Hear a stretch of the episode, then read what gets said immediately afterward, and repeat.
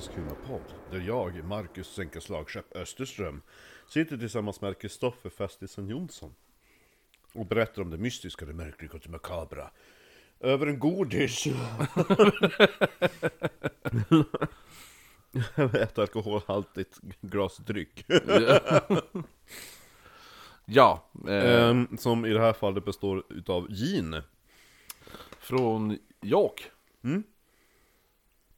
Eh, mer information om det i luckan som kommer ehm, på julafton.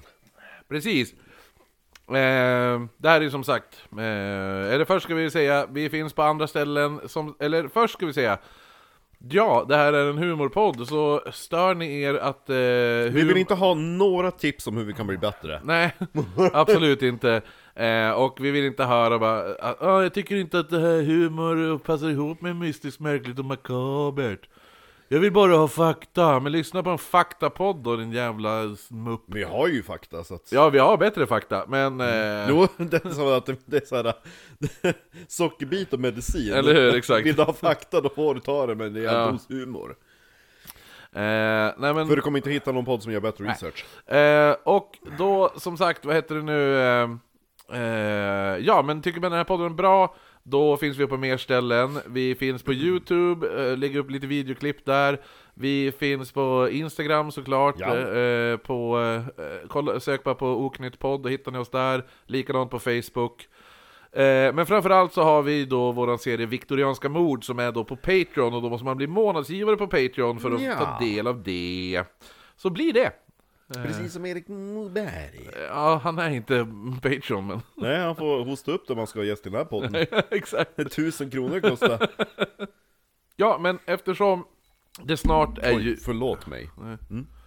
Jag ska bara göra upp mer eld på brasan Nej men i alla fall, det här är ju som, alltså...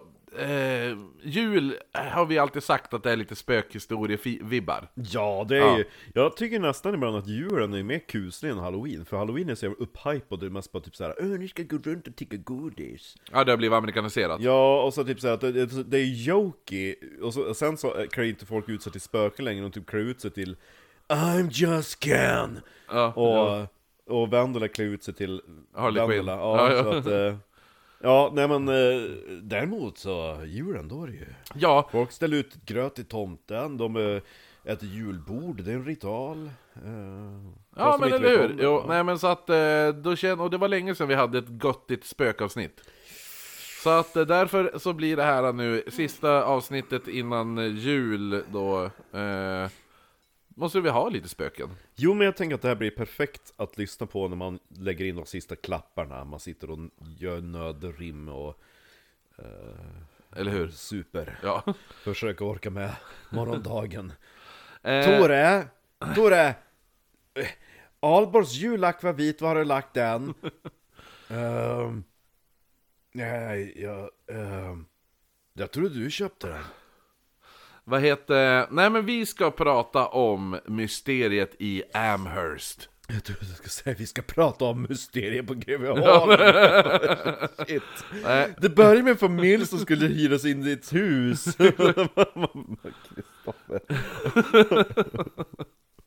Nej, mysteriet i Amherst, eller The Great Amherst Mystery som det är mest känt som då. Eh, The Great Amherst Mystery var ett poltergeistfall som utspelade sig mellan 1878 och 1879 i Amherst i Nova Scotia i Kanada. Och, Och det är en del utav the Commonwealth ja, jo, Så det, nu, det där är England Det är en del utav Storbritannien, Kristoffer okej. Ja, Ja. För du har ju sett Anne på Grönkullen, det har du inte alls gjort Men då har de ju vickan på väggen Ja, just det. Ja. ja, men hur som helst, där eh, fokusen kring det här eh, spökerierna låg på familjens dotter Esther Cox. Ester Kock Amherst grundades eh, 1672 av akadierna, eh, men då under namnet Les Planches. Okej, Ja. de bara, jag orkar inte döpa det Le- Les Ja. Planches. Eh, Påminner mig om nya menyn på, på Lions, vet du vad det står på Starters? nej. Pomme bearnaise och under pommes med bearnaisesås I kursivt, man bara okej, nu fattar jag Jo. Eh, Har du, ta- har du ätit pomme bearnaise? Exakt. Under det sjuåriga kriget döpte eh, Colonel Joseph Morse om staden till Amherst. Han- Han döpte den efter Lord Amherst. Ja. Ja. Eh, de första som började bosätta sig under 1765, det var invandrare från Yorkshire. Oh. Eh, efter det så flyttade även lojalister till den brittiska kronan dit efter att ha flytt från frihetskriget. Ja. Eh, samhället växte eh, under 1870-talet och Så det är väldigt brittiskt. Ja, det är ju, jo, med tanke på att det var Yorkshire, in, invandrare från Yorkshire, Nej. och de som, de som flydde dit, det var de som var lojalister. Du såg inte På spåret? Idag, nej, nej, jag har inte sett något den här De åkte ju till Leeds. Men det sa du ju igår. Ja, jo men inte i podden. Nej, men nej, och så, nej. de bara, det är grannstaden till Bradford, jag bara ah, de åker till Leeds! Och så var det så kul, Fredrik Lindström, han bara, men... Eh, men Leeds har man ju varit i! Och Fredrik, vad heter han? Eh, eh, Luke, han bara, men alltså, ska vi gå ut på Avenyn och stoppa 100 personer, tror inte så många skulle säga att de har varit till Leeds. Han bara, va? Nej men man har väl åkt till...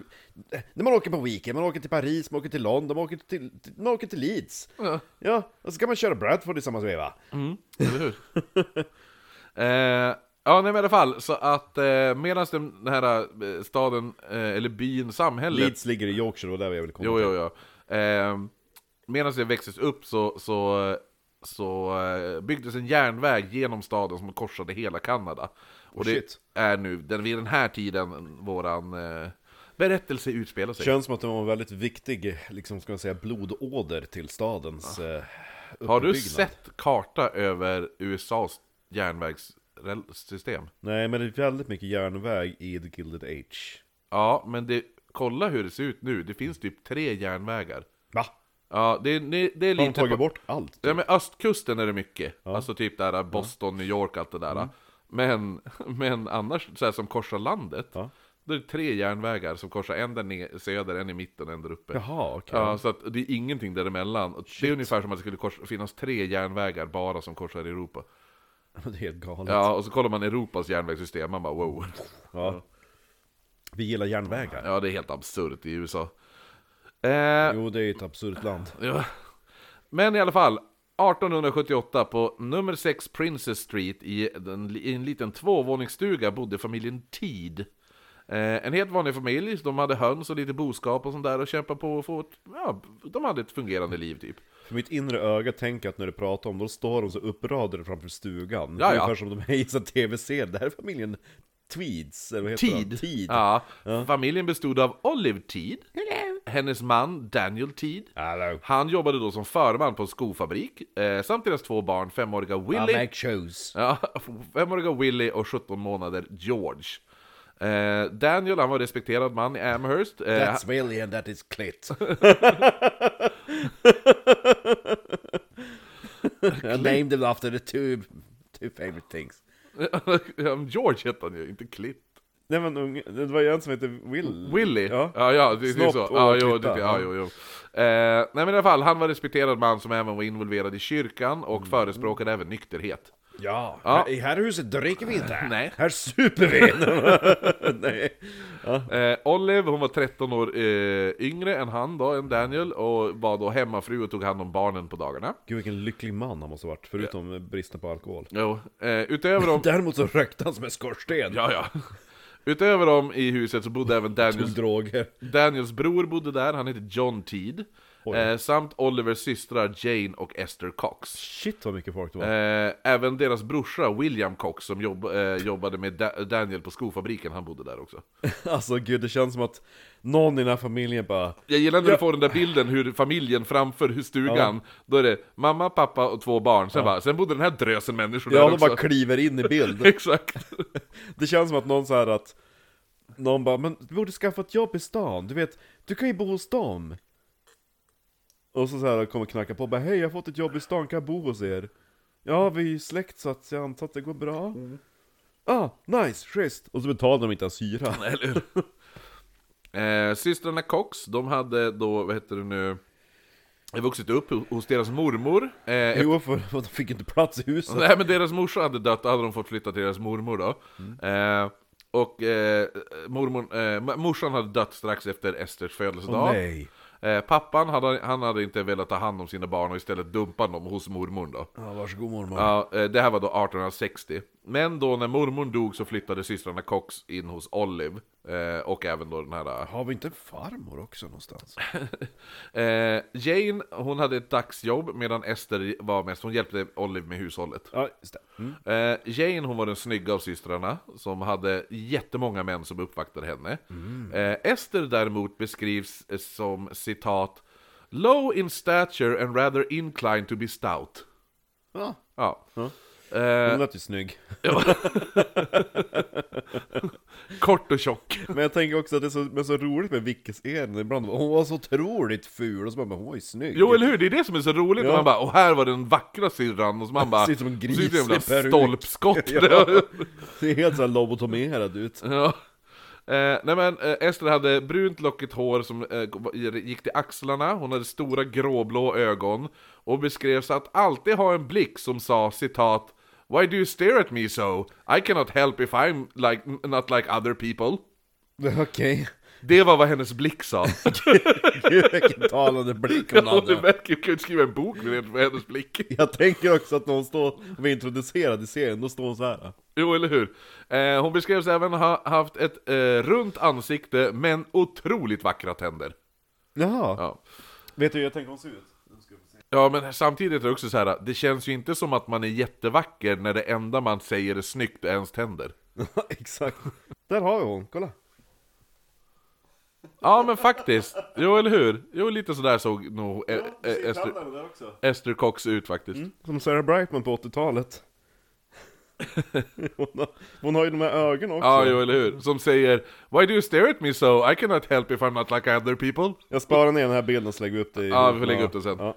Eh, men även om Jane, alltså syrran där, hade, hon som hade alltså massa uppvaktande män och sådana där saker, så var hon ju fortfarande singel. Ja, Ja, såklart. jo. Jag gillar den här bilden också, hon ser så jävla glad ut då tillsammans med Andrew Lloyd. ja, eller hur?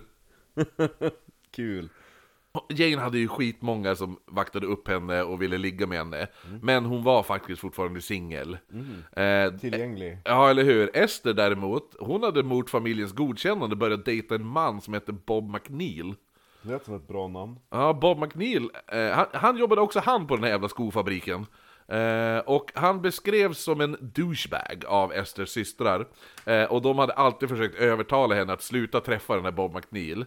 Eh, men även om han var en jävla fittig kille så var han så här superhet. Ja. Ja, och Ester struntade i vad alla sa. För hon bara, hon bara, den där snyggingen vill knulla mig liksom. Och han har en stor kuk. Så kvällen 28 augusti satt Ester utanför huset och väntade på McNeil, som skulle då hämta upp henne i sin droska, för de skulle ut på en kvällstur. Ja. Ja, Ester var trött, vilket hon berättade för de andra i huset. Jag är trött! Ja, jo. De var okej. Jag tänker på att det här huset som ett litet Big Brother-hus. Ja, men då hade, då hade ju... Det är lite som Nissarna på loftet-varning. Ja. Det var massa folk i ett rum. Eh, nej men då hade ju Olive frågat bara, men varför är du så trött då? Well Olive, now do not laugh, for it's about a dream. Och så svarade Olive, a dream? Go on, let me hear it. I dreamt that I, I dreamt that when I got up in the morning everything and everybody was changed except myself. This cottage, instead of being yellow, was green. Nej men gud! You, Dan, Jane, brother William and John Teed, Willie and George, all had heads like bears. And you all growled at me, but yet could talk. And what was very strange... Hon, hon drömde alltså att hon var, vad heter hon, Goodlock. Good luck, ja, ja jo, precis. Um, and what was very strange, you all had, had eyes as large as horses' eyes, only they were as red as blood. While I was talking to you, I heard a noise in the street, and going to the door, I saw hundreds of black bulls with bu- blue eyes, very bright blue eyes, coming towards the house. Blood was dripping from their mouth, and their feet made fire come out from their ground. On they came, roaring very loudly all the time. right straight for the house. They broke down the fence. I shut the front door, locked it, and then ran uh, to the back door and fastened it. Then they all commenced to butt the house so violently that I had fallen over. It shook so that I woke up and found that I have fallen out of bed. Ja. Ja. Och så Oliver bara, okej, det var en väldigt specifik dröm, typ Ja, väldigt Ja. deta- detaljrikt. Det här huset var inte gult förstår du. Det var grönt. grönt, och du hade, ni hade björnhuvuden fast ögon som hästar. Ja, Hej! som var röda. Och ni eh, morrade åt mig, men ni pratade också. Eh, Olive försäkrar, hon bara, men det är bara en dröm, oroa dig inte. Ja, nej, jag förstår det Olive, tack så hemskt mycket. Jag sa bara att jag var trött. Jag är inte rädd att det ska komma hundratals tjurar och att ni ska förvandlas till björnfolk. nej, jag bara sa att jag var trött att jag hade en gul dröm. Inte att jag är dum i huvudet, jag tror att det här var riktigt, så fan är med dig Olive. Pull yourself together! jag vill så gärna se den här, den här dramatiserad. Det här kan ju Malin animera. Ja, jo. Olli försäkrade sig, ja men så, här Efter det så väntade Ester på McNeil, så han anlände då klockan åtta på kvällen. Jag är trött! Varför? Nu ska du få höra! Det här huset var grönt!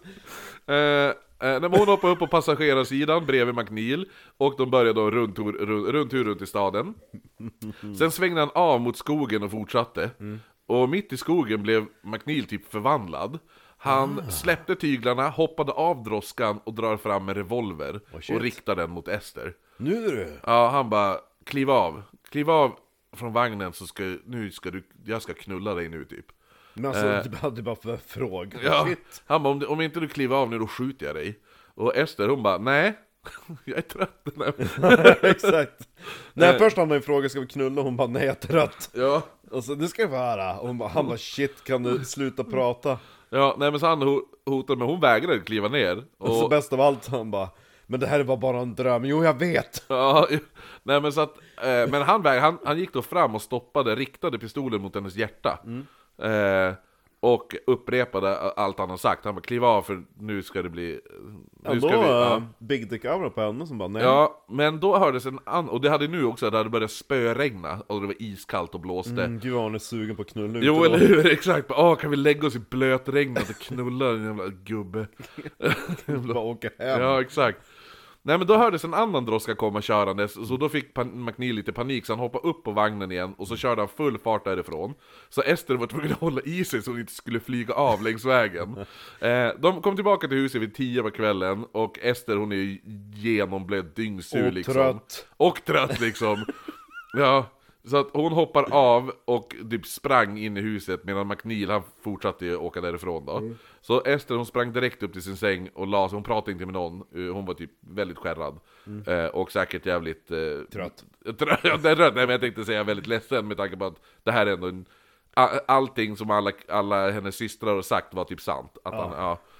Eh, så hon hade väl sett fram emot, alltså, hon bara ah, vi kanske blir ett par, men han var bara ute efter att få knulla liksom. Och när han Men inte jag fattar inte att han blev så jävla desperat, han hade kunnat fråga först, bara ska vi knulla? Ja, så men han, skjut skallen av den, du knullar nu! ja, eller hur? Nej men så hon la sig utan att prata med någon som, av, om det här då. Luktar det mat? Ja, jag tyck, tänkte det faktiskt. Det luktar typ, typ som att någon stekt lök. Lite Mm. så. Det luktade hela tiden där jag bor. Jätteofta, ja, jätteofta när jag kommer hem, då luktar det alltså, såhär, Stekt lök. Ja, stekt lök. Eller som att någon gör fransk löksoppa typ. Nej men så att, ja, som jag sa i alla fall. Du vet såhär att det ska ju dofta svavel om det är en demon, men om det doftar lök då? Ja. Stekt lök mer specifikt. Ja, då tror jag att det är en... En tomte. ja, exakt. Nej men, eh, som jag sa, att Ja, hon gick väl av sig. Mm. Hon, ja precis, hon gick upp och la sig, sprang upp och la sig och pratade inte med någon om vad som har hänt. Eh, de kommande dagarna så sa hon ingenting, men alla, alla fattade, det är någonting som har hänt. Men de, ingen visste vad det var som hade hänt, men någonting måste ju ha hänt. Hon är nog bara trött. Ja, eller hur? Men hon säger det inte lika ofta. eh, eh, nej men för hon, hon ville ju som inte hjälpa till i huset längre. Nej. Hon vandrar mest omkring planlöst i staden. Mhm. Och systrarna antog ju då att hon och McNeil hade typ bråkat och de var ju typ mest glada att relationen verkar vara slut. Hon ser så meningslös Ja, ut också, eller hur? Utan smink. Kanske är religiös. ja, ja, exakt! Eh, men, Men det var inte hennes far som var, eh, eller? jo hennes far var Det var han religiös. som var nykterist och Ja, precis, Ja, just det. exakt. Ja, Ja, det det var- går i släkten. Ja, Ja. Nej, det är inte hennes far, det är Olivs man. just det. Ja. Men det var det jag menade. Ja. att Det, var, det var inte hennes far. Men Nej, precis. Vilken var det? Det var Olivs man. Olivs man, precis. Farsan ville ju inte veta av henne. Nej. Nej. Eller någon av döttrarna. Det var hon som hade bott hos mormor först. Ja, precis. Hon och Jane. Och eh, ena brorsan. Eh, men i alla fall. Eh, den kommande dagen så gick Ester och la sig tidigt. Eh, och eh, hon grät sig till sömns på varje kväll nu och sådana saker. Och efter en vecka efter den här händelsen, klockan nio på kvällen, så skulle alla gå och lägga sig.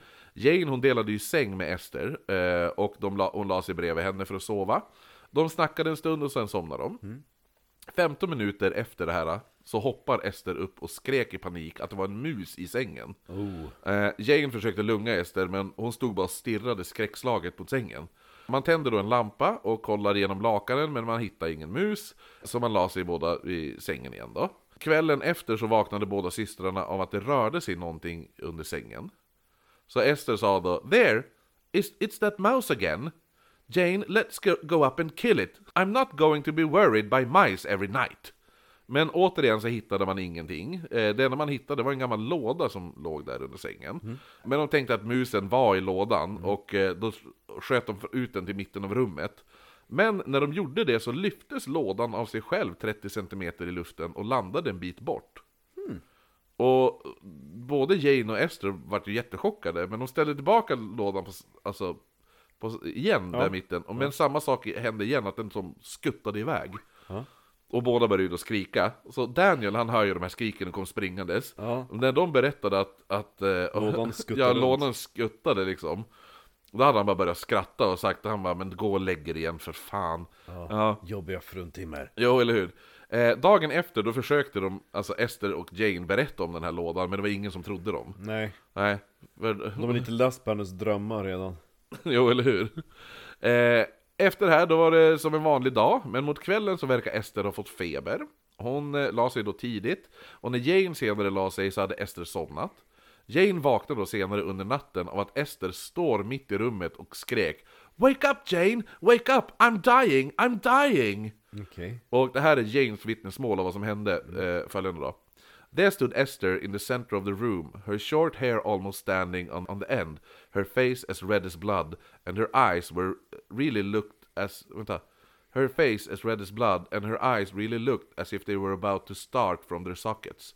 Her hands were grasping the back of a chair, so tightly that her nails sank into the soft wood.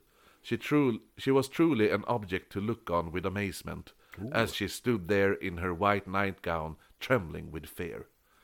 Shit. Och Hon- J- Vilken Jane- jävla mardröm hon har drömt nu då. Ja, jo, Jane ropar på hjälp och Olive, John, William och Daniel kommer in i rummet och Daniel frågar, han bara, men vad fan är det som händer nu då? Och då sa Jane, She's mad! Ja. Ja. Sen började Ester typ tappa orken och höll, höll på att ramla, medan de andra då, de hjälpte henne till sängkanten, där Ester satt och tittade runt i rummet innan hon fastnade med blicken på sina fötter, och eh, började då skrika att hon bara Jag kommer börja svälla upp, jag kommer att spricka. Men gud vad hon drömmer. Ja, och Oliver försökte lägga sig, alltså med Ester då, lägga sig med Ester, lägga Ester i sängen. Men hon beskrev sen att hon var som en tung sten, och var tvungen, de var tvungna att hjälpas åt för att kunna få henne i sängen. Eh, de såg då hur hon faktiskt började se uppsvälld ut och att hon hade extremt hög feber. Så Ester hon började nu skaka och gnissla tänder. Och sen kom en smäll som lät som att blixten hade slagit ner i huset. Men gud. Så Olive sky- skyndade sig till sina två söner i rädsla om att typ huset kanske börjar brinna ifall blixten har slagit ner eller någonting. Däremot så, eh, båda pojkarna låg och sov och ingen eld hittades. Shit att de kan så igenom det här. Jo, eller hur? I'm dying! De bara, vi är van, vi är också trött. Ja. Alla tittade sen ut och såg att det var en helt stjärnklar natt. Inte ett moln på himlen och ingen kunde förstå alltså, vad som hade då låtit så högt. För det ingen blixt skulle slå ner den där kvällen. Nej. När de stängde fönstret så hördes smällen igen. Den här gången var det tre gånger i rad. Och sen efter det, då slappnade Ester av. För hon var ju som i trans typ. Eh, så hon slappnade av och så somnade hon om. Sen var det tyst. De andra gick då tillbaka för att la sig och sova. Eh, dagen efter, då var Ester som vanligt igen.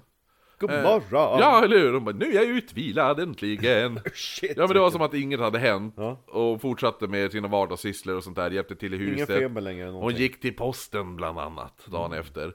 Och vid middag kom samtalet om gårdagen upp, för man måste ju ändå snacka om vad fan det var som hade hänt. Jo. Men ingen kunde komma fram till vad det var, så att då, då beslöt man sig att, vet ni vad? Vi pratar aldrig om det här igen. Vi lägger locket på. Ja. Eller hur? Ja, innan vi fortsätter så ska vi pröva en... Eh, en till gin. Som, som var då, vad sa du det var? Smak utav romerska frukter. Det var, det var helt okej, alltså det var inget så här jag bara wow it. Nej, den här hade jag inte köpt en hel liter flaska utav. Nej. Men det var eh, okej. Ska vi kul att prova med tonic? Ja men tre fåglar naken. Ja. Kristoffer hällde upp med sin speciella bakhandsfattning. Jag tycker det var god som fan med tonic. Ja, faktiskt. Jag skulle kunna tänka mig en liten jordgubbe i den. Jo, eller hur? Den här ska man ju dricka på sommaren. Ja. Och ska du hämta en jordgubbe nu? nej men som sagt, eh, som du sa, de, de valde att, nej vi, pr- vet du vad, vi pratar aldrig om det här igen.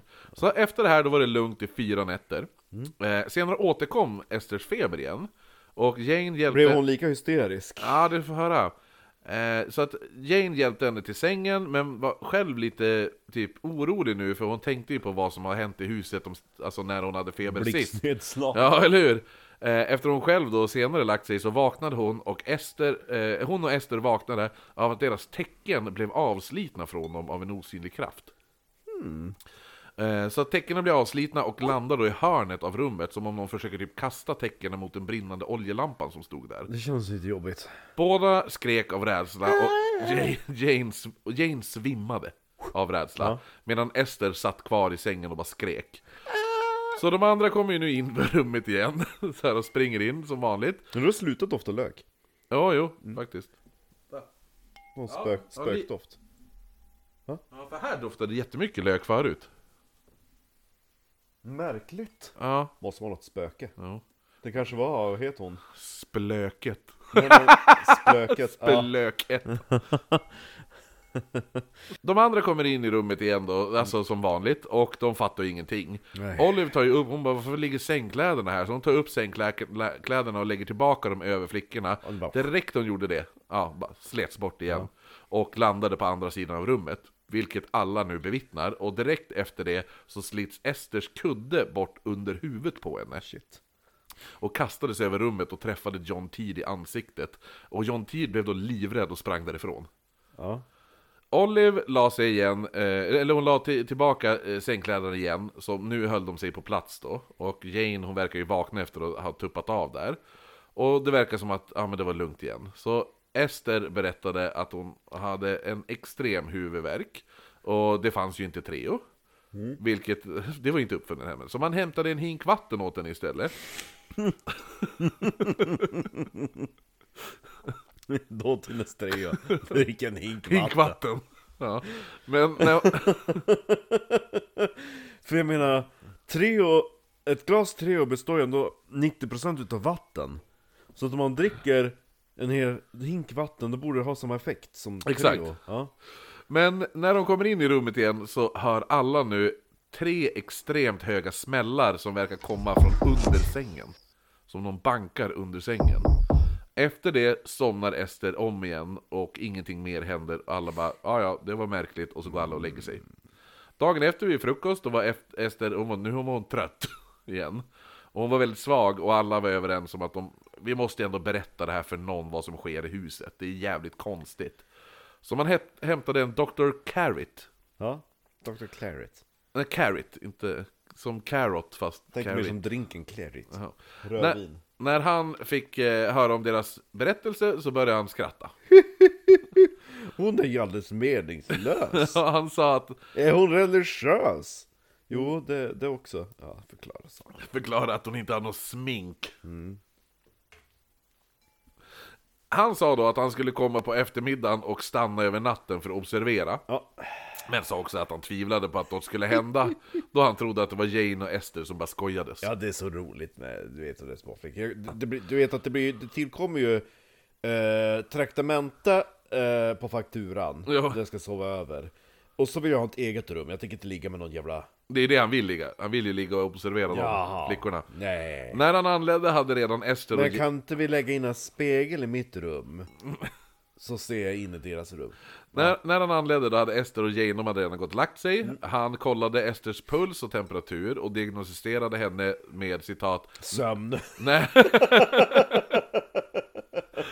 Nej, nervous excitement. sa han. Ja.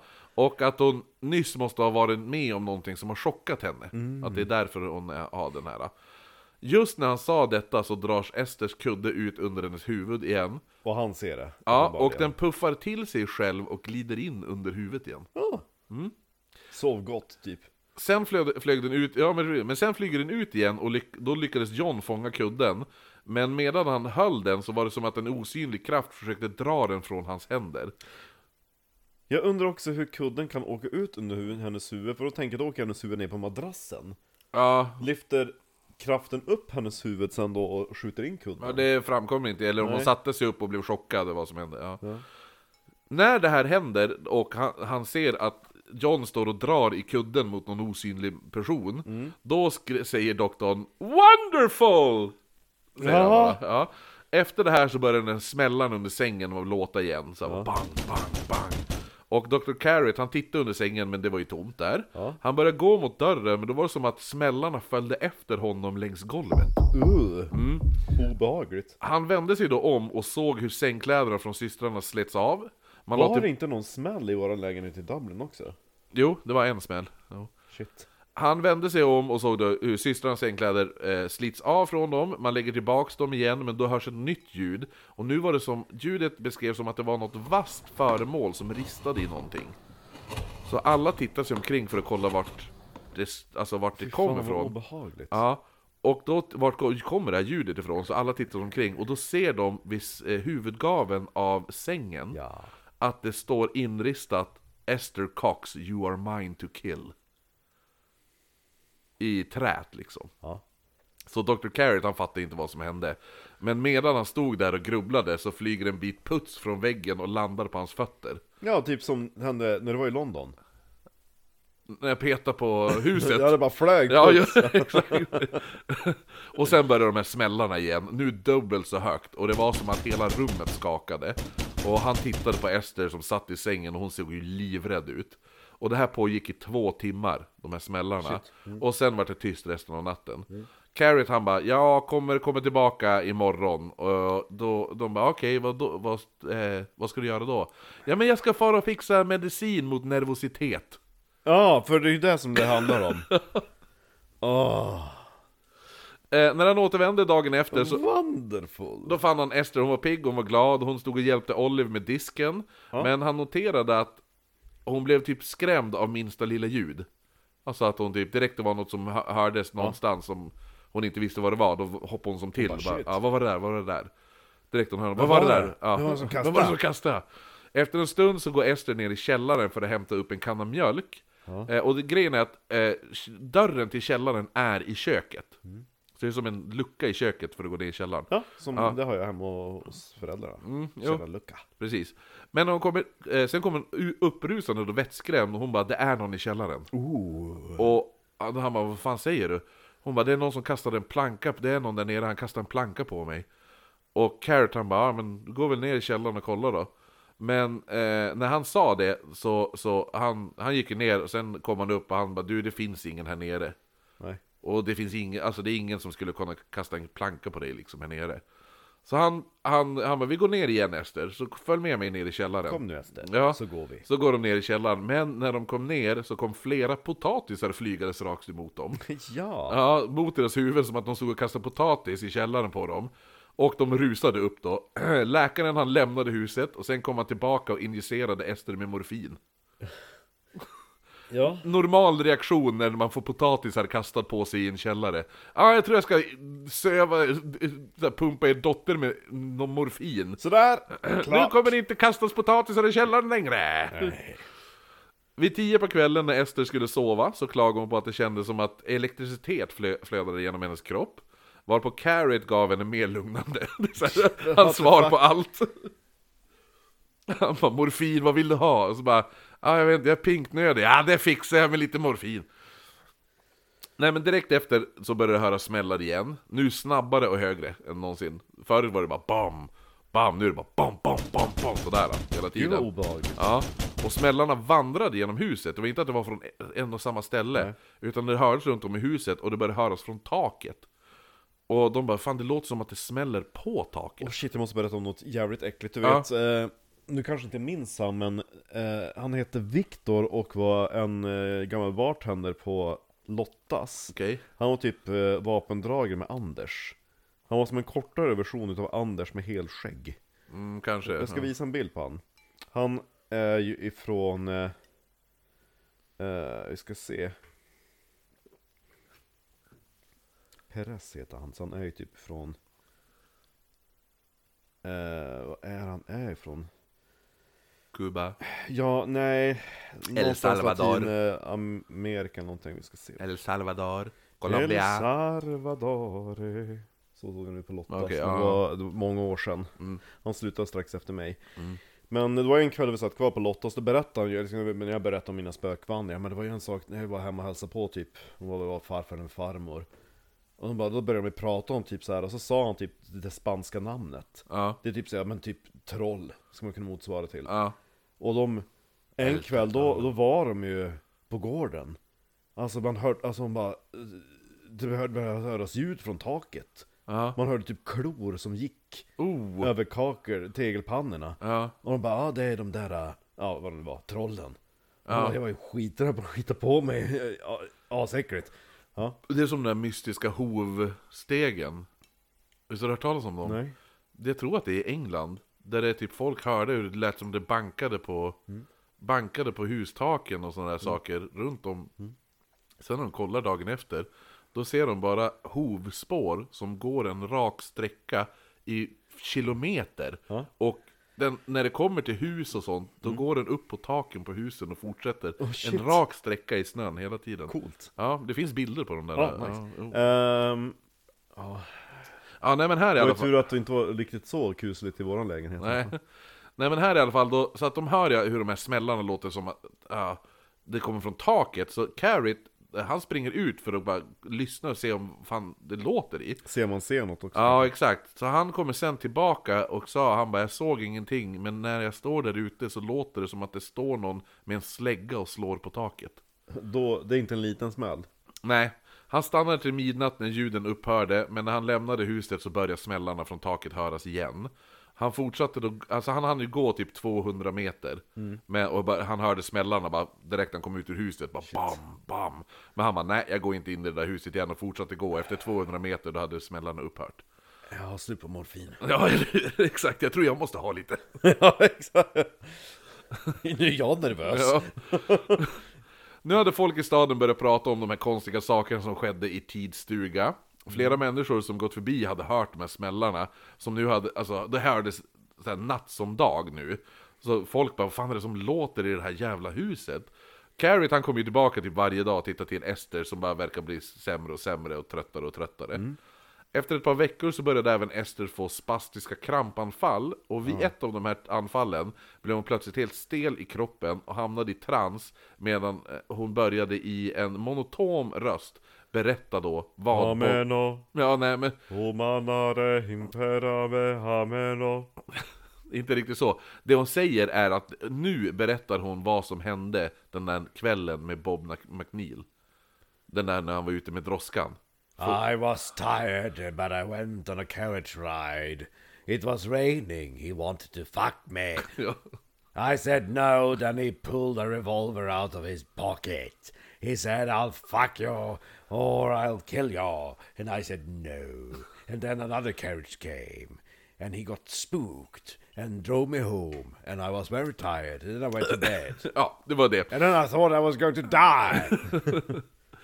Det det här var ju första gången någon hört om vad som hände med Ester alltså, Med- vid det här, med den här kvällen då. Jag tänker att de pratar med typ demonröst i filmversionen. Ja, eller hur? Exakt. Ja. Ja, men den här...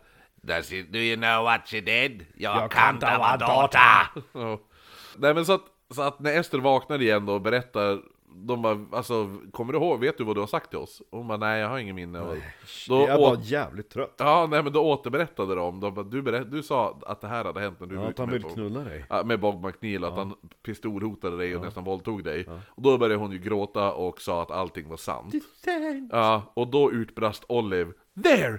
Didn't I tell you that I felt it in my bones that harm would come to you through that young man? And now you see, he really is at the bottom of all of this. Ah, it's Bob who makes all of these strange sounds about the house. You I know he's the cause! Gud vad kärring hon kände sig plötsligt, hon bara I feel it in my bones. Ja men Olive också, ja, men jag, gillar den där bara, ja jag varit nästan våldtagen och varit hotad till döden. Ja jag sa ju att jag inte skulle hänga med han, hade jag inte rätt? Bara, men tack för trösten. Ja, eller hur? Förlåt. Sympatisk syster.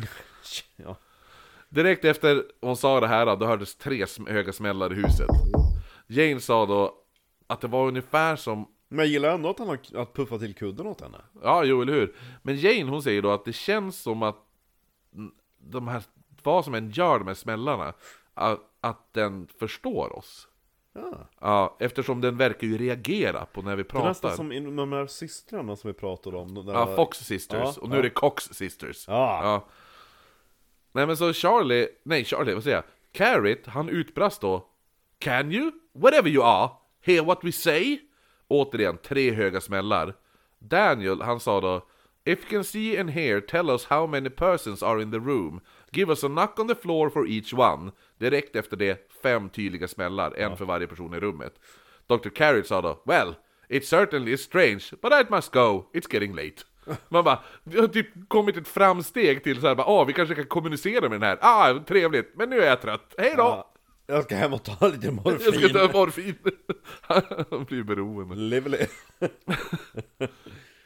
Det känns också som att han kanske är lite rädd också. Men ja, ja, han återvände i alla fall dagen efter. Men då var allting lugnt och de tre kommande veckorna skedde händelserna sporadiskt. Ibland på dagen, ibland på natten. Ibland inte alls. Nej, men alltid när Ester var i huset. Ingenting hände om Ester inte var hemma. Och inget hände Ester när hon inte var hemma heller. Att det, det höll sig bara till huset.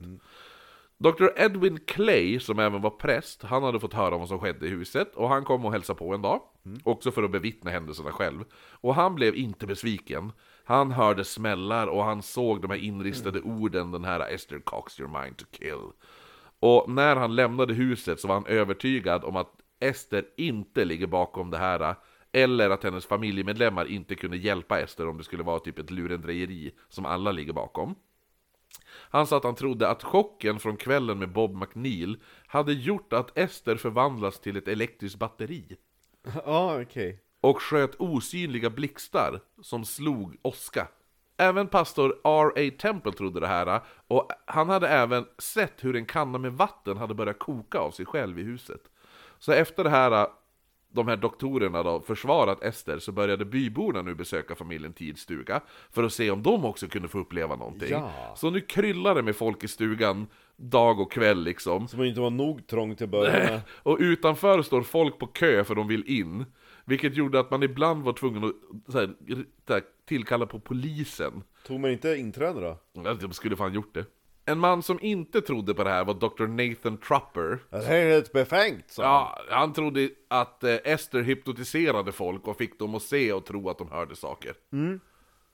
Hon står där vid dörren och innan de går in hon bara Eller hur? Exakt. Så hypnotisatören låter. Inte så här titta in i... Jag minns hon hade väldigt eh, stora ögon. Nej. Kolla in i mina ögon. Nej. Tror du att hon håller på att hypnotisera dem? Nej. Han eh, kom aldrig att besöka Ester dock. Det var bara hans teori. Ja, han bara hörde på avstånd. I december drabbades Ester av difteri, vilket Ja, okej. gjorde henne svag och sängliggades, och under den här tiden så upphörde alla konstigheter i huset. Hon blir- Hon blir väldigt trött. Väldigt trött. När hon blev frisk igen så reste hon bort två veckor för att hälsa på en annan av sina systrar. Hej! Och återigen, ingenting händer, varken i huset eller för Ester. Men när hon kommer tillbaka igen en kväll så ropade Ester på Jane som kom inspringande i rummet och vad är det som händer? Ester berättade att hon kunde höra en röst som viskade till henne. Nej, en mans röst då. Östar. Ja, vilken, vilken bra viskning. Ja.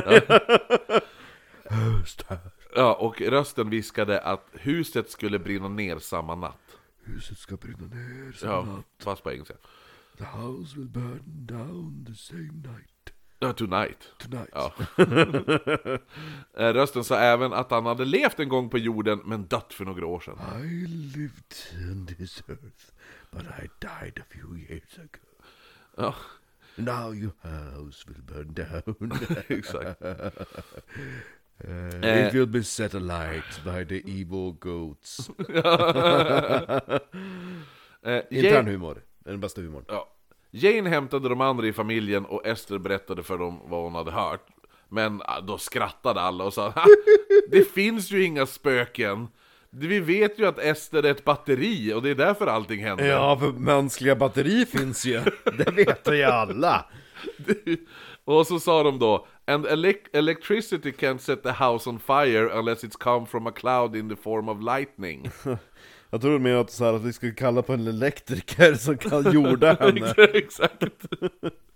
Precis som, Kör in en sladd i fittan. precis han, när han säger de här orden Ugh. så, så föll då från taket en brinnande tändsticka Oj. och landade i sängen och alla bara what the fuck blev livrädda Men Jane hon släckte i tändstickan men under de kommande 10 minuterna föll 10 brinnande tändstickor ner från taket Vad sjukt.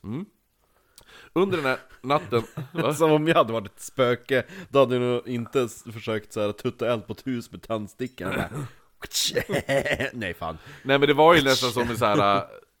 Det känns ju som lite sån här ett, ah, ja, aha, du säger att jag inte kan tända eld på huset, kolla här då, och så börjar det droppa tändstickor Jo, det är lite kul. Ja. Påminner lite grann om det här spökeriet i Ljusdal som vi pratade om i förra julkalendern. Åh, vad var det jag påminner Det var den här gamla änkan utanför Sundsvall som hade det var ju också det här huset som bara vallfärdades till det kastades Ja, men just ja, exakt. kolbitar ifrån den öppen spisen och satte eld på hennes kläder och allt vad det var i sängen. Under den här Och hade sönder porslinet! ja. Under den här natten hördes knackningar över hela huset och alla kom, kunde kommunicera med vad det än var som knackade. En knack för nej, tre för ja och två för jag vet inte. Dan frågade om huset skulle börja brinna och tre knackningar hördes. Fem minuter senare flög en klänning som hängde på en krok i Esters rum in under sängen och började brinna. Och shit. Ja. Men man lyckades släcka den här utan problem. Dagen efter var Olive övertygad om att det faktiskt var ett spöke de hade i huset. Sen så, ja du hade ju fel, huset brann inte alls ner i Nej, natt. eller hur? Ha! Men hon sa då, citat Nothing but a devil or a ghost with evil designs could do such a terrible things as start a fire in a cottage at the dead of night. Och Vilken hemsk design det här spöket har.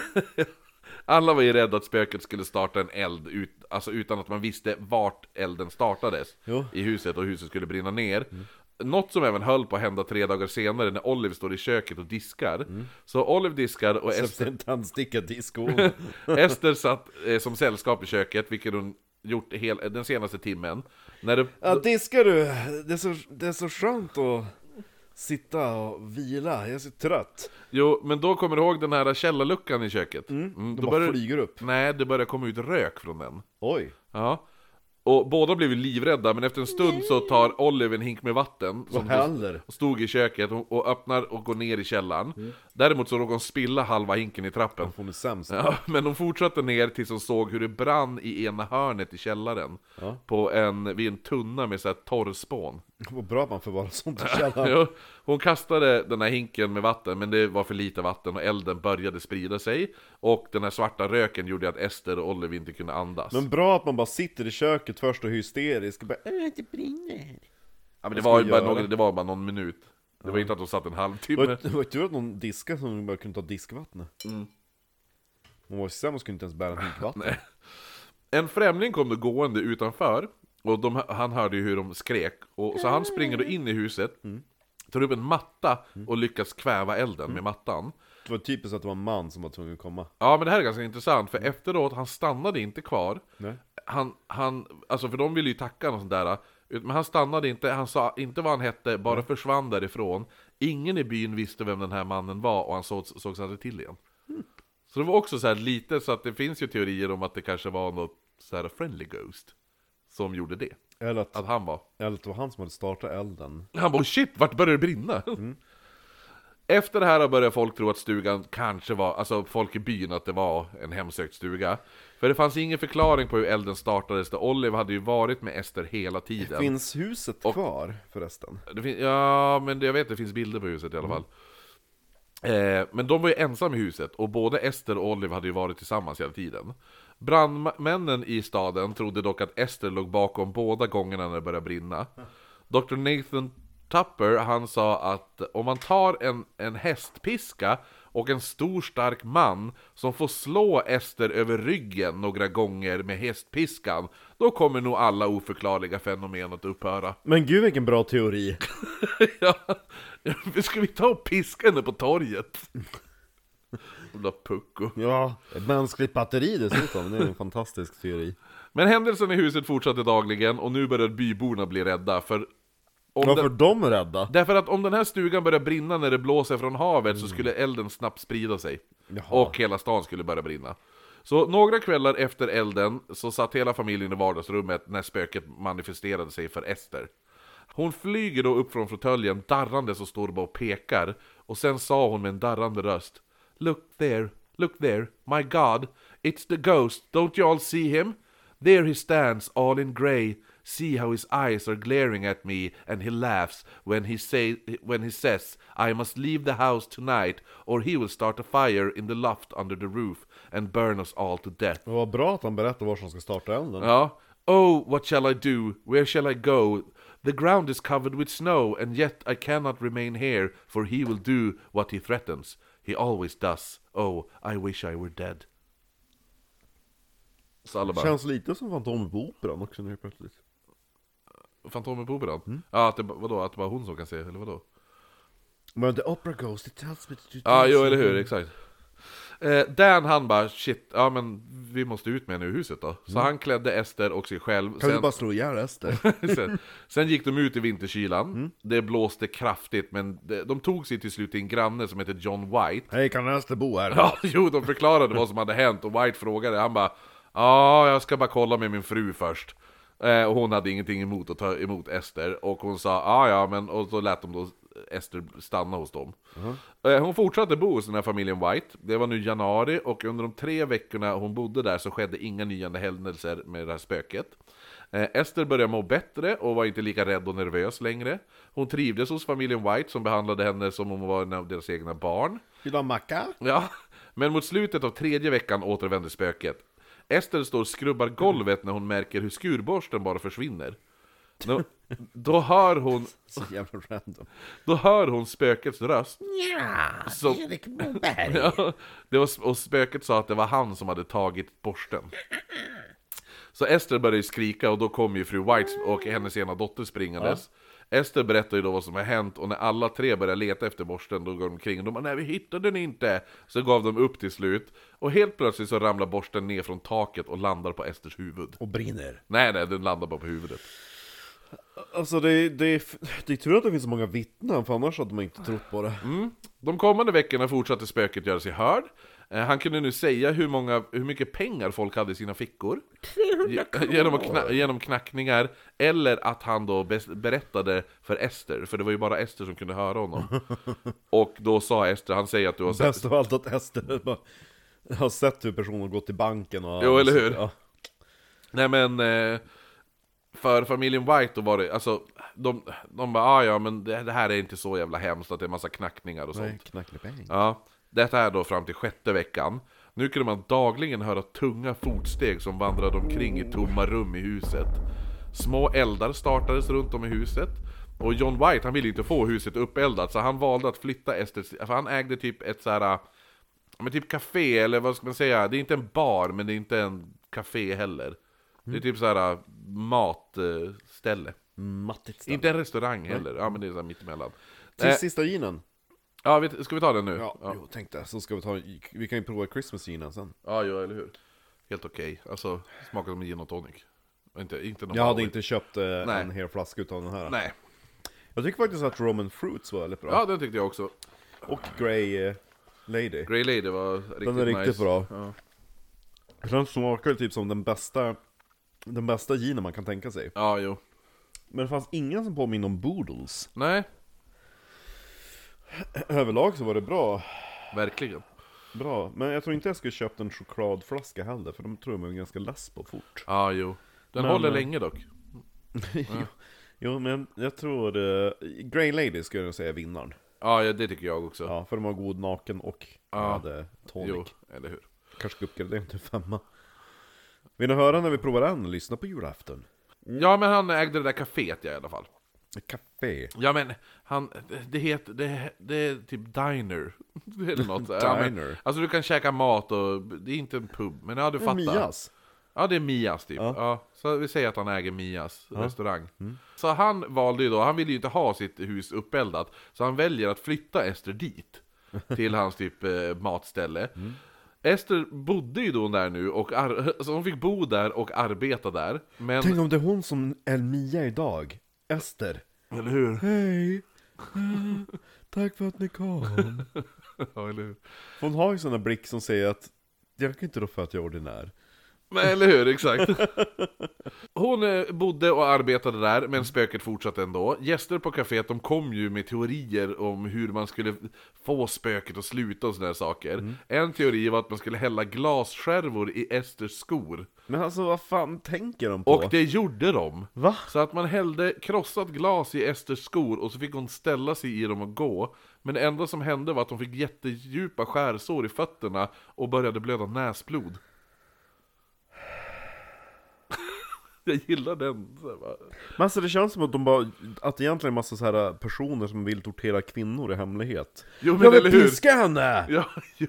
Men hästpiska på torget. Det blir bra. Vi hade glas i hennes skor. Jag tror han med hästpiskan var ju att han bara var skeptisk, han trodde att det är Ester som gjorde allting, så att hon behövde en, hon behövde en uppläxning. thrashing. Ja, Ja. exakt. Men fortfarande, alltså det är... Vad, vad tänkte de att glas skulle hjälpa mot spöken Ja, men för? jag fattar ingenting. Logiken är så jävla Ja, men också att märklig. hon bara, de bara 'Vi gör det nu' Hon bara 'Jaha, okej då' Så bara Just att man bara går bara in i köket och hämtar glas och slår sönder och lägger i hennes skor. Bara 'Ställ dig i dem' Hon bara 'Jaha, okej då' Aj, det gör ont. Jävla Så stört. Varför började du näsblod? Ja, jag vet inte. Nej, jag vet inte, det är väl min stress över att jag måste gå omkring med glas i skorna. Tack Jag skulle vilja se den här teorin i så moderna spökjägare. Ja, ja De bara, ah, vi måste ju... Vi måste ju rädda henne. Krossa några flaskor henne i skorna. Eller hur? Det är så här, hade, hade de här tagit hand om hon Reagan, exorcisten, så hade hon fått ännu mera skärsår än vad demonen gav. Ja, verkligen. Det ser ut som Reagan har rullat sig i glas. Ja, eller hur? Pröva kasta den genom fönstret. Har inte du sett den där bortklippta scenen när de krossar glas i rummet och rullar Reagan i det? Aj, ja, det hjälper! Man, Ja, för man får ju aldrig se om hon får skärsåren. Nej, eller hur? Det är så fick de bara rulla glas.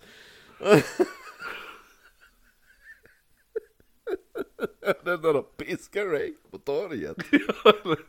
Funkar det? Max von Sydow står med den här spisken. Ah! The power of Christ. Compels you. Ja. Nej men en dag i, i den här restaurangen då, då började en lucka till den stora ugnen att öppnas och stängas av sig själv. John han blev lite irriterad så han satte fast ett yxskaft som spärr för luckan. Ja. Då lyftes luckan upp från gångjärnet av sig själv. Och både luckan och yxskaftet föll då ner på marken. White han ringde då efter Mr W.H. Rogers, inspect... Jag tror inte att han ringde, jag tror att han så här called Ja. Karl då, ja, ja, jo, men Kallade kallade, då efter. Mm. Sa jag ringde? Jag har i mina anteckningar kallade då efter. Jag måste bara, ja. Han kallade då efter Mr W.H. Rogers, Inspector of Fisheries. Vad fiskerier? Ja, för att komma och kolla. Alltså det, vem ska jag ringa? Ja, Jag ringer The Inspector. Men de ringer inte, han kallar på. Ja men du fattar vad jag menar. Ja. Ja men det är så här, om jag säger nu, vem ska jag ringa? Jaha. Det spökar. Ja. Ja. jag ringer han som är ansvarig för Inspection of Fishery. Jag ringer ner till två fiskare på stan. exakt. Kan ni komma, det spökar. De bara va? Vi säljer fisk av ditt Ja, vet. ni får betalt! Exakt. Kom bara! Kom! För helvete. Det spökar ju. Ta med någon glasflaska. Exakt! Jag har slut på glas. Krossat så mycket. Alltså det är, så, det är som att ingen har någon logik i hela den här stan. Nej, nej, nej. Nej men han tänkte ju ändå, han, han är ju ändå inspector. Ja, ja han har ju en titel. Jo, eller hur? Han inspektorn. ja, inspektor fisk. jag inspekterar fisk hörru. Tjenare Jag känner att det doftar fisk här i köket. Vad heter din mus då, Jerry?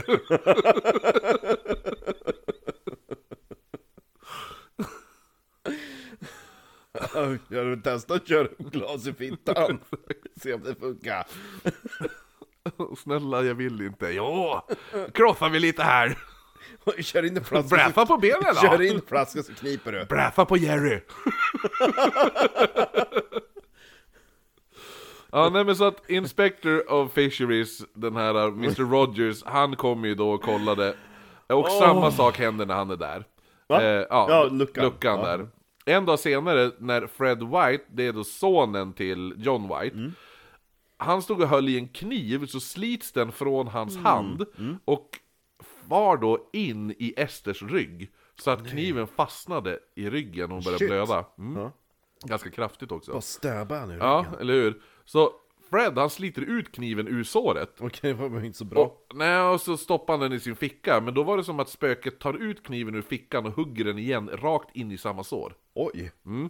Och han sliter ut i kniven igen och han bara, nu jävlar, så han, han bara, jag ska gömma den där ingen kan hitta den, inte ens spöket. Och det var, den kunde inte hitta den sen. Eh, Man vet fortfarande inte var den kniven är. nej, eller hur? Det var en sak jag kan och det är gömma. Exakt. Han gömde, gömde den och slog sig själv i huvudet för att tappa minnet. Jag kanske ska gömma Ester. Eller hur? Åh gud vad läskigt, det lät som du var knackning, men jag tror att det var du som råkade Ja. gunga någonting. Man provade sen att lägga fyra stora järnspikar på Esters knän när hon satt ner i en fåtölj. Alltså vad fan, Ja, men varför inte? är det någon som har en idé? Först... Uh, spik? Har ni Ja, provat de är så spik? kraftiga så här railway nails typ. Ja. ja. Men ingenting hände, men snart började spikarna bli varm och till slut var de så glödheta att de kastades sen iväg av spöket flera meter. Och Ester hade typ ont i benen för att de, hon hade bränt sig. Eh, De kommande dagarna började spöket flytta möbler eh, i den här restaurangen, ibland väldigt tunga saker utan problem. Det var en kista som vägde 25 kilo och gled av sig själv flera meter över golvet som att den gled på is. Det här var även bra för John White, han som äger den här restaurangen, för du hade ju den här restaurangen fullt med gäster varje dag som ville komma för att se om det hände någonting. Jo, Så han bara, "Ja, men, han bara det är bra Ester att du bor här. alltså när jag var här för, förra gången, då, då gick hon på glas. Man vet aldrig. Igår då fick hon järnspikar på knät. Ja, Man vet aldrig vad som händer där i restaurangen. Kom! Men eh, det kostar att ni måste köpa mat om ni ska se. ja. Man kanske ska gå och käka på Mias imorgon till lunch, fan vad Gud vad gott. gott. Undrar vad det är på lunch hos dem imorgon? Börjar skråmål tror jag. Mm, vi var väl där på en måndag? Var vi? Ja det var vi. Ja, Ja, jo. vad gott. Mm, det var det. I slutet av mars så reste Esther till St. John i New, New Brunswick. Där bodde hon hos Captain James Beck och hans fru. Där skulle hon samtidigt undersökas av en grupp män som beskrevs vara citat ”Men whose mind have a scientific turn”. De här männen var Dr. Allward, Mr. Amos Fales, Mr. Alex Christie, Mr. Ritchie som, eh, och alla de här de fick ju då uppleva konstigheterna och hade själva konversationer med spöket i form av de här knackningarna som förut. Nu började det även dyka upp andra spöken. Jag fattar inte riktigt den här logiken med att tre knackningar är nej. När tre knackningar är ja, Ja, just det. en, En knackning är nej och två jag är vet vet, inte. inte. Mm. Det började även dyka upp eh, andra spöken nu. En man som sa att den hette Peter Cox och var ett, eh, ett annat spöke som sa att hennes namn var Maggie Fisher. Jaha. Ja. De här spökena sa att de hade levt på jorden men nu var i spökvärlden. Vi har levt på jorden, men nu är vi i spökvärlden. De var inte lika stark som det ursprungliga spöket som nu hade presenterat sig som Bob Nickel. Var det han som ville knulla? Nej, det var Bob McNeil. Spöket heter Bob Nickel. Han som har gjort allting fram tills nu. Säkert. Han, eh, han gillar inte när hon har feber, typ. Nej. ja. Nej men eh, Bob Nickel, och den här Bob Nickel sa att han, när han hade levt, vad hade han varit? Skomakare. Ja, koppla. Ja, det här spöket Peter Cox sa att han var en släkting. Ja, just det, de sa också de här spökena, ja men vi, sa jag det? Att de hade sagt att vi är inte lika stark som Bob Nickel. Ja. Spöket Peter Cox sa att han var en släkting till Esther och att han hade varit ett spöke i 40 år. Han sa även att han gjorde allt han kunde för att stoppa Bob Nickel och Maggie Fisher för att jävlas med Esther. För han bara, ja, det är de som är, de är elaka. Men jag är snäll. Och jag försöker stoppa dem, men jag är inte så stark. Han sa även att de här två spö äh, spökena svor otroligt mycket. Fuck you. Ja, eller hur? Och efter tre veckor av undersökning fick Esther återvända till Amherst, men hon flyttade då in hos Mr and Mrs Van Amberg, som bodde i skogen lite utanför. Där bodde hon i åtta veckor och spö spö- det var inget spök spökeri. Inget spökeri. När hon bodde där. Nej. Efter de här åtta veckorna flyttade hon då hem igen till stugan och började jobba på John Whites Café under dagarna, som bodde i Tids stuga, men jobbade ho- hos John White. Men så snart då kom ju det här spöket tillbaka, nu var det starkare än någonsin då. Anledningen också till att man vet så jävla mycket om det här fallet är på grund av författaren Walter Hubble som tog ett intresse för det här fallet och bodde hos eh, Esther och familjen Tid. Eh, en väldigt lång tid, nu när hon hade flyttat hem igen. Och antagligen intervjuade folk som... Ja, precis. det var ju tur. Ja, han vittnade om följande. Han besökte Ester 21 juni 1879 och hade bara hunnit vara i huset fem minuter innan han såg hur hans paraply kastades fem meter över rummet och flög då precis över huvudet på honom. Som att någon försökt kasta paraplyt på honom. Han beskriver även hur en stor kökskniv kom skuttandes på Esters huvud. Och Ja. föll sedan ner på golvet. Han bytte då rum och tog med sig sin väska. Han satte ner ne- väskan i vardagsrummet, men direkt efter så flög väskan iväg flera meter och en stol kastades in i den stolen som han satt på så han nästan trillade av den. Han sa bara du, jag tar en liten promenad istället, för jag måste beundra den vackra staden. Så man bara, ja det hade jag också gjort, efter jag sett det där. Jag sitter och tänker på det som vi har pratat om flera gånger, vad, hur man skulle reagera om någon stol skulle dras ut nu när vi sitter här.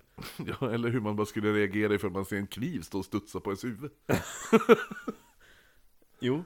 Det är det som är så roligt, för det är det jag gillar med det här fallet, att det inte är bara Åh, det är så läskigt om det där händer. Utan det är dumma jävla saker som händer. Som är också så här.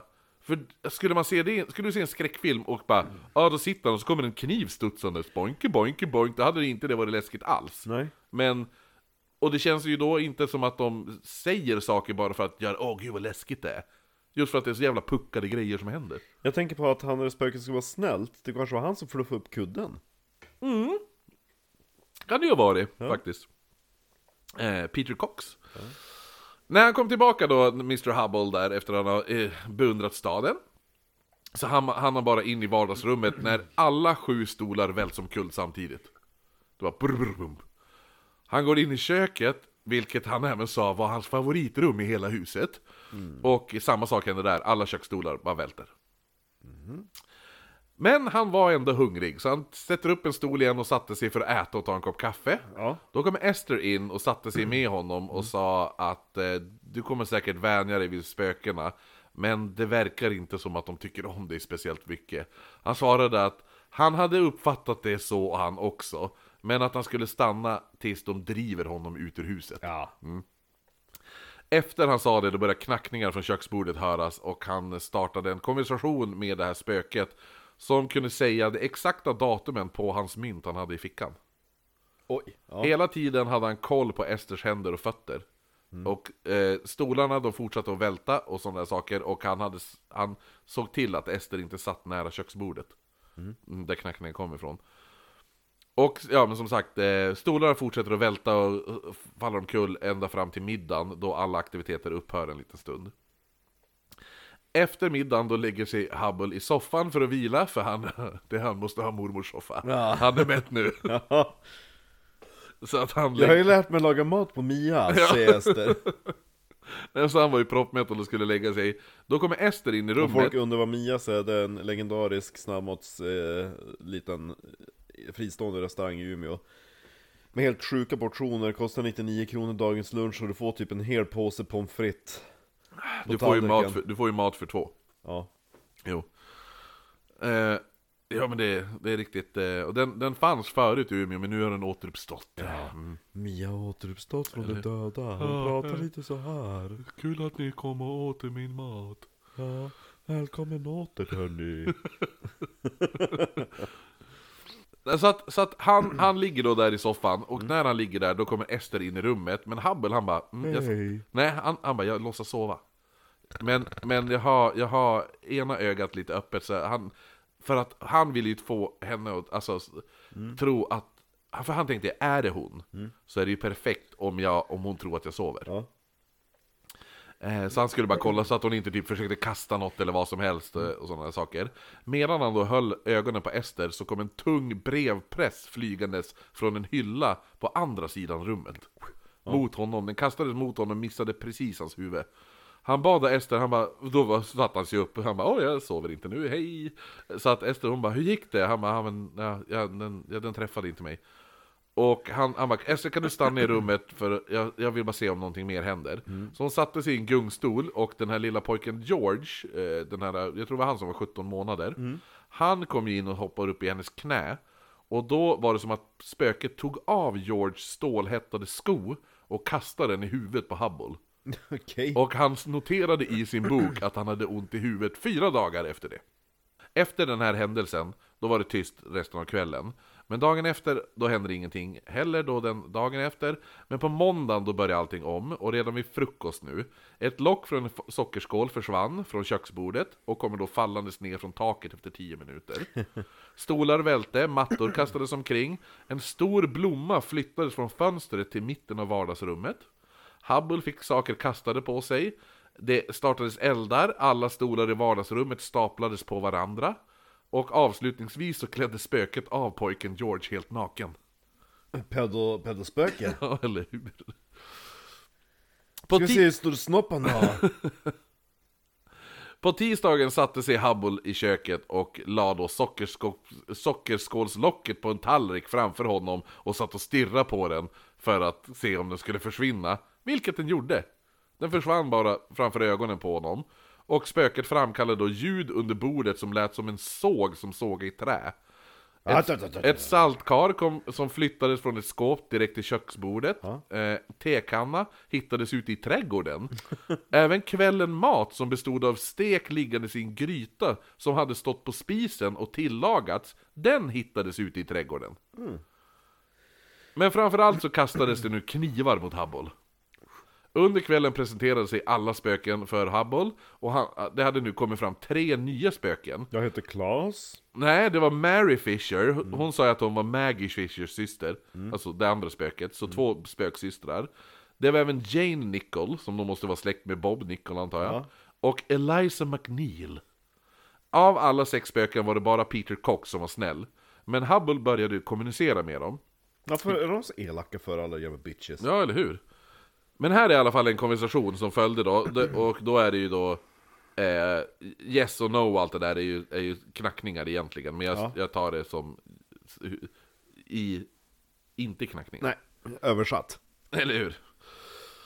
Have you all lived on the earth? Yes. Have you seen God? No. Are you in heaven? No. Are you in hell? Yes. Va? Have you seen the devil? Och då väldigt högt. Yes. Efter det kastades Hubbles bläckstop på, eh, så allt bläck, på golvet och så allt bläck rann ut. Ja. Dagen efter började spökena trycka in nålar i kroppen på Ester. Ja. Ah, det är... eh, Det är vi som är släkt med, Fi- vi heter ju Fisher. Ja, exakt. Albert Fish. Uh, sweet juice. Då, då, nej men så hon, hon, började, hon kände ju bara när hon gick så bara, aj vad fan var det där? Och så kollade hon, då hade hon nål intryckt i sig. Mm, skönt. Ja, och det var som att, alltså nål, det kom från ingenstans och på vissa ställen, eh, Hubble beskrev att Esters kan inte sätta in nålarna där. Nej. Så det går inte. Det var upp mot 39 nålar man fick plocka bort från henne. Men gud. Mm. Och senare under dagen så kastade spökena iväg katten i huset. Han? Den flög ut genom dörren, de bara, ja, Hej då Misse! jag hade spenderade resten av dagen utomhus och reste, Flygandes omkring. och när, de försökte, och när de försökte få in den i huset så reste den ragg och fräste mot dörren Ja, ja, ja. Man hör bara, vad var det där? Ser man katten flyga åt helvete Man flyger ut över byn. Ja, den försvann Misse. Det ser han igen. Vid ett tillfälle kom Ester ner från övervåningen, det var ingen förutom es, henne, he- alltså Ester där uppe. Ja. Men halvvägs ner för trappan så kom en stol kastandes efter henne. Okej. Och tändstickor började falla från tomma intet igen. Hubble som var rökare, han brukade be om tändstickor när han ville ta en, ta, röka sin pipa. Dök upp då? Ja, och så här, han brukade säga Bob, I would like a few matches if you please. Och en gång kom det över 50 stycken fallande från taket. Okej, inte så många. Men det är, då är de ju snälla spöken. Ja, ja, inte, vad sa du, inte så många? 50 stycken? Ja, ja, att han menar! Nej, det var lite för många Ja, Bob. exakt, ja. Ja, En räcker, tack. Här är pipan. Eh, 28 juni började spöket spela en osynlig trumpet runt om i huset. Och efter... Nej, han bara... Ja, det var John Williams spöke. Nej men så de hörde bara en trumpet såhär. Typ. Och efter en lång tids spelande så uppenbarade sig även den här Nej, trumpeten. är det så såhär... Ja. Sen så hör man Min resa var mot solen Nej men så att eh, efter en stund spelande, då hittade man den här trumpeten. Jaha Eh, det, vad heter han? Hubble, han beskrev trumpeten att den var gjord i vad som såg ut som tyskt silver. Och ingen i Amherst kände igen den här trumpeten. Och Hubble, han tog hand om den för att placera i ett museum i USA. Finns den kvar? Jag kan göra, eller nej jag tror inte det. Ester gick en dag förbi pastor R.A. Temple för råd och han bad henne att att be till Gud varje dag. Jo men jag gör det redan Jaha, jag just bett djävulen. Han bara, det var kanske därför det började spöka. Ja eller hur? Hon bara tokigt det blev Det är är så svårt att veta Ja, eller hur? vem man ska tro på, tro på när Nej men så att hon bara, ja men hon återvände till stugan och blev då, det första som händer att när hon kommer in i huset, att hon då... Katten är tillbaka! Ja, nej, men hon blir då skuren i huvudet av antingen Bob eller Maggie. Och Ja. det användes typ en ben, så här kycklingbenbit. Aha, Så här avbrutet, du vet de kan bli ganska vassa. Ja. det var en sån som skar henne i huvudet. jobbigt. Salmonella. Ja, och direkt efter får hon en gaffel i ansiktet.